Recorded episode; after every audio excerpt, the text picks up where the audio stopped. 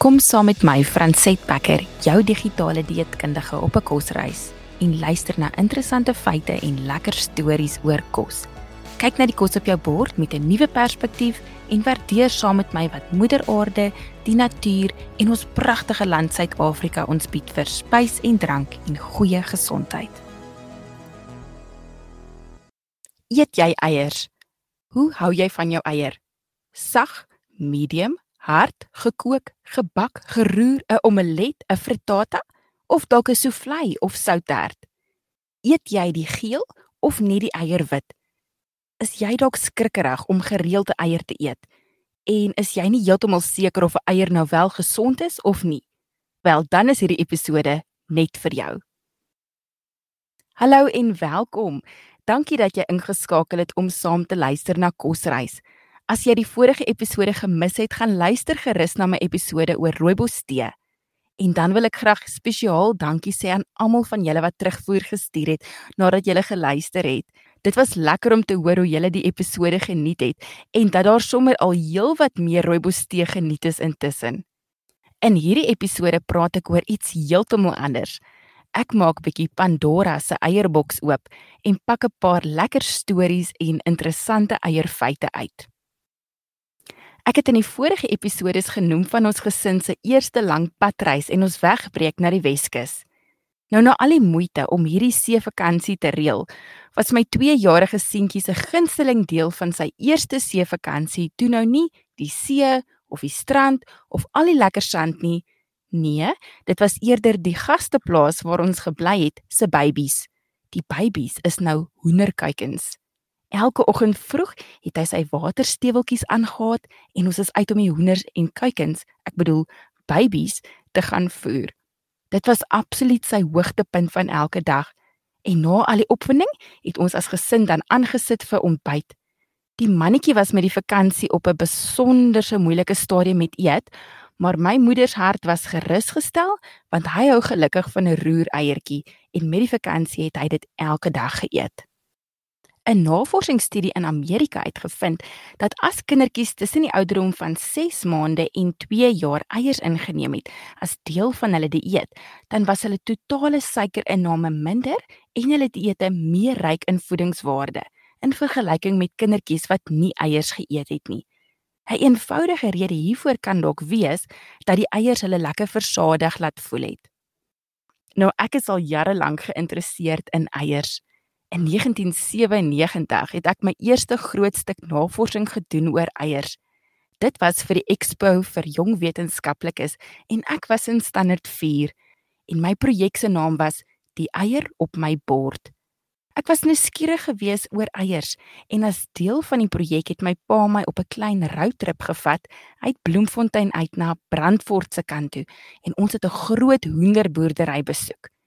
Toe ons daar stop en uit die kar klim, toe weet ons sommer ons is by die regte plek. Die hoender se gekekkel was iets vreesliks geweest. En ons is daar op 'n toer geneem en ek onthou ons het 'n foto geneem van die groot vervoerband met al die eiers en ons het gesien hoe 'n groot skaal met arms elke eiertjie optel om te weeg en dan sorteer in medium, groot, ekstra groot en jumbo grootte as jong meisie was ek stom geslaan oor die hele proses. En by die huis het die res van die navorsing voortgegaan. Ek het 24 eiers bestudeer, 6 van elke grootte. Ek het elkeen geweeg en dan het ek elkeen oopgebreek, geskei en dan die geel, die wit en die dop apart geweeg. Dit was nie sommer net op 'n elektroniese skaal geweeg nie. Dit was so regte wetenskaplike balansskaal van my pa waar ek die gewiggies moes rondstoot tot die skaal gebalanseer het. En met al hierdie geweegery wou ek uitgevind het hoeveel van die eier se massa is die eetbare deel en watter grootte eier die beste waarde vir geld gee. En as jy wonder, dit was op daardie stadium die jumbo eier wat die meeste eier vir jou rand gegee het. Dit was baie data en baie baie eiers om te eet. My ma het gelukkig planne gemaak met lekker eierresepte, maar vir 'n paar jaar na die eierprojek het ek maar nog bietjie lank tand geëet aan eier. En net so terloops, ek het die projek onlangs weer nageslaan en ek dog ek lees eers verkeerd, maar daar staan sowaar dat ons R4.50 betaal het vir 12 eiers. R4.50. My laaste storie voor ek Pandora se eierboks aanpak, is oor die Becker gesin se heerlike pannekoek resep. Nou die grap is dat hierdie eienaardige resep 2.5 tot 3 eiers benodig vir die pannekoekbeslag. Hoe meet 'n mens 'n halwe eier af? So in my huis, as ons lus is vir pannekoek, dan is die kodetaal: "Liefie, het ons dalk 2.5 of 3 eiers?" Laat weet my as jy die resep soek, ek deel dit graag. Alraai, jy sit dalk nou al op die punt van jou stoel en wag om te hoor of 'n eier nou goed of sleg is. Voor ek wegspring met eierfeite, wil ek net eers iets sê oor die klassifikasie van kos in kategorieë van goed en sleg. In hierdie potsending wil ek regtig die wow aspek van kos vier. Want sien is eintlik nie reg om kos in boksies te sit van goed en sleg nie. Kos is heeltemal te kompleks en wonderlik om dit so 'n eenvoudige klassifikasie te gee. Kom ons pak Pandora se eierboksie nou uit. 'n groot hoendereier weeg omtrent 55 gram en dit bevat so 315 kJ. Dit is so 75 kalorieë. Eier bevat proteïene, bietjie koolhidrate en vet en ook 'n eislike lang lys vitamiene, minerale en ander voedingsstowwe soos antioksidante. Eier is regtig 'n wonderlike bron van proteïene en dit bevat al die aminosure. Indien jy wonder, aminosure is die boublokkies van proteïene. As 'n voedselsoort al die aminosure bevat, soos in die geval van 'n eier, dan praat mens van 'n volledige proteïene. In ons spysverteringskanaal word proteïene afgebreek na die klein aminosuur boublokkies en word dan oral in die lyf gestuur vir verskillende funksies vir groei en gesondheid.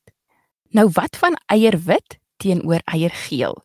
Wat interessant is, is dat die proteïene omtrent gelyk opgedeel is tussen die geel en die wit van die eier. Die eier se vet, vitamiene en minerale is meestal gekonsentreer in die geel van die eier. Die eiergeel is so ryk in voedingswaarde. Dit bevat elkeen van die vitamiene behalwe Vitamiin C. Dis nou Vitamiin A, D, E, K en die hele Vitamiin B kompleks. Die eierwit bevat ook 'n klomp van die B-vitamiene. Twee eiers bevat omtrent 10 tot 30% van die daaglikse vitamiene wat ons liggame benodig. Dit is soos die natuur se eie vitamienpil. Eiers is ook propvol minerale, fosfaat, kalsium, kalium, natrium, koper, yster, magnesium, mangaan, selenium en sink.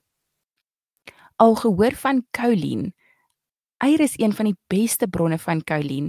Ons lewers vervaardig klein hoeveelhede daarvan, maar dit is belangrik om genoeg daarvan in ons dieet ook in te kry, want dit is essensieel in die brein vir ons senuweestelsel, vir ons geheue, ons gemoed en vir ons spiere.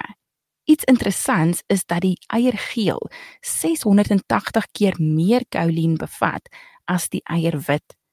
En omdat kaolien so 'n belangrike rol speel in die breinontwikkeling, is dit veral belangrik om genoeg daarvan in te kry gedurende swangerskap. En wat van lutein en zeaxanthin? Al daarvan gehoor. Hierdie twee is vetoplosbare antioksidante in die klas carotenoïde en hulle val onder die naam xanthophylls. Daar is omtrent 700 soorte karotinoïde waarvan 30 in die menslike weefsel en bloed voorkom, maar net hierdie twee, lutein en zeaxanthin kom in die oog voor, of meer spesifiek in die oog se makulêre area van die retina, waar dit help om die oog te beskerm teen beskadiging. Die twee voedingsstowwe speel 'n baie belangrike rol in ooggesondheid en kan help om die kans vir makulêre degenerasie, katarakke en ouderdomsverwante blindheid te verminder. Lutein speel ook 'n belangrike rol in die eerste 1000 dae van lewe wat al begin met swangerskap en ook deur die verskillende fases van ons lewe help dit met geheue en kognisie. Lutein en zeaxanthin is vetoplosbaar en kom voor in eiergeel.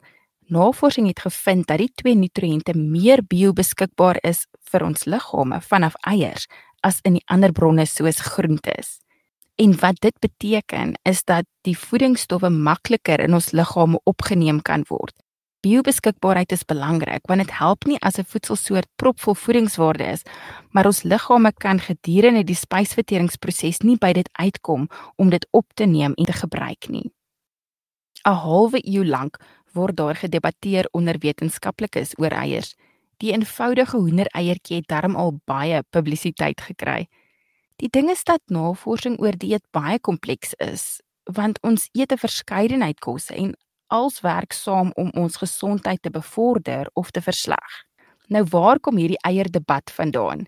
Die rede agter als is dat die eier cholesterol bevat en 50 jaar terug is daar aanbeveel deur die dieetriglyne dat alle hoë cholesterol kosse beperk moet word om hartsiektes te voorkom en die aanbeveling is gemaak dat eiers beperk moet word tot 3 of minder in 'n week. Intussen, na dekades van navorsing waardeur populasiegroepe lanktermyn opgevolg is en eiers bestudeer is in kliniese studies, het wetenskaplikes nou gevind dat die risiko vir hartsiektes en cholesterolvlakke nie toegeneem het na 'n gematige eiertoename van 1 eier per dag nie. Dis nou in vergelyking met mense wat geen eiers eet nie. Daar is ook gevind dat dit nie eintlik die cholesterol in die kos is wat ons liggame se eie cholesterol vlakke beïnvloed nie, maar eerder die versadigde vet in die kos. Glo dit of nie, maar 'n eier bevat eintlik min vet, net 5 gram, waarvan net oor 1 gram versadigde vet is. Maar geld dit nou vir almal? Kan ons nou maar net eiers eet soveel en wanneer ons wil? Eier is propvol voeding en almal moet baie daarvan inkry? Nee, daar is 'n maar. Ek het 'n wiskunde juffrou gehad wat gesê het there's always a but in maths. En ja juffrou, in wetenskap is hier ook 'n maar. Hierdie studies wat verwys na 'n eiere dag of selfs bietjie meer is gedoen in gesonde populasies. Dit wil voorkom dat mense met hoë cholesterol en hartsiektes steeds versigtig moet wees, veral omdat 'n persentasie van mense hiperresponders is tot vet en cholesterol in die dieet wat beteken dat as gevolg van hulle genetika skiet hulle bloedcholesterol net makliker en vinniger op as andersin. Die aanbeveling van 1 eier 'n dag of selfs bietjie meer is gemik op die gesonde populasie en dit gaan hand aan hand met die aanbeveling dat eier geëet moet word as deel van 'n gesonde dieet. Ek wil eindig met een laaste brokkie inligting uit Pandora se eierboksie en dit is iets om bietjie oor te dink. Japan word geken as 'n nasie wat fokus op gesondheid en lang lewe. Die tradisionele Japaneese dieet word verwys na as wasuku. Hierdie dieet is soortgelyk aan die Mediterrane dieetstyl wat al baie nagevors is en is gevind dat dit een van die gesondste dieetstyle is. Die cholesterol in 'n tipiese Amerikaanse dieet en die Japaneese dieetstyl is vergelyk in 'n studie en die volgende is gevind. In die FSA kom die meeste cholesterol in die dieet vanaf rooi vleis, 37%, 25% van eiers, 11% van melk, 4% van seekos.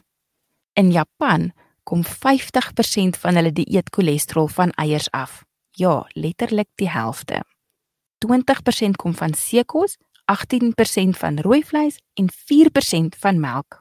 'n Hele paar studies het gevind dat daaglikse eierinname geen invloed het op die cholesterolvlakke van gesonde Japaneese mense nie. Nou toe, dit is nou food for thought. Geniet jou eier of dit nou 2.5, 3 of 7 of meer in 'n week is, maar wat anders is daar ook op jou bord. Tot volgende keer. Dankie dat jy saam geluister het na my Franset Becker, jou digitale dieetkundige. As jy hierdie episode van Kosreis geniet het en interessant gevind het, deel dit gerus met jou vriende en familie. Volg die potsending deur te druk op die plus knoppie in Apple Podcast of die follow knoppie op ander platforms. Jy sal dan eers te weet wanneer die volgende episode beskikbaar is. Gretig om meer te weet van spys en drank vir goeie gesondheid, dan kan jy my vind op Instagram by jou digitale dieetkundige. Tot volgende keer.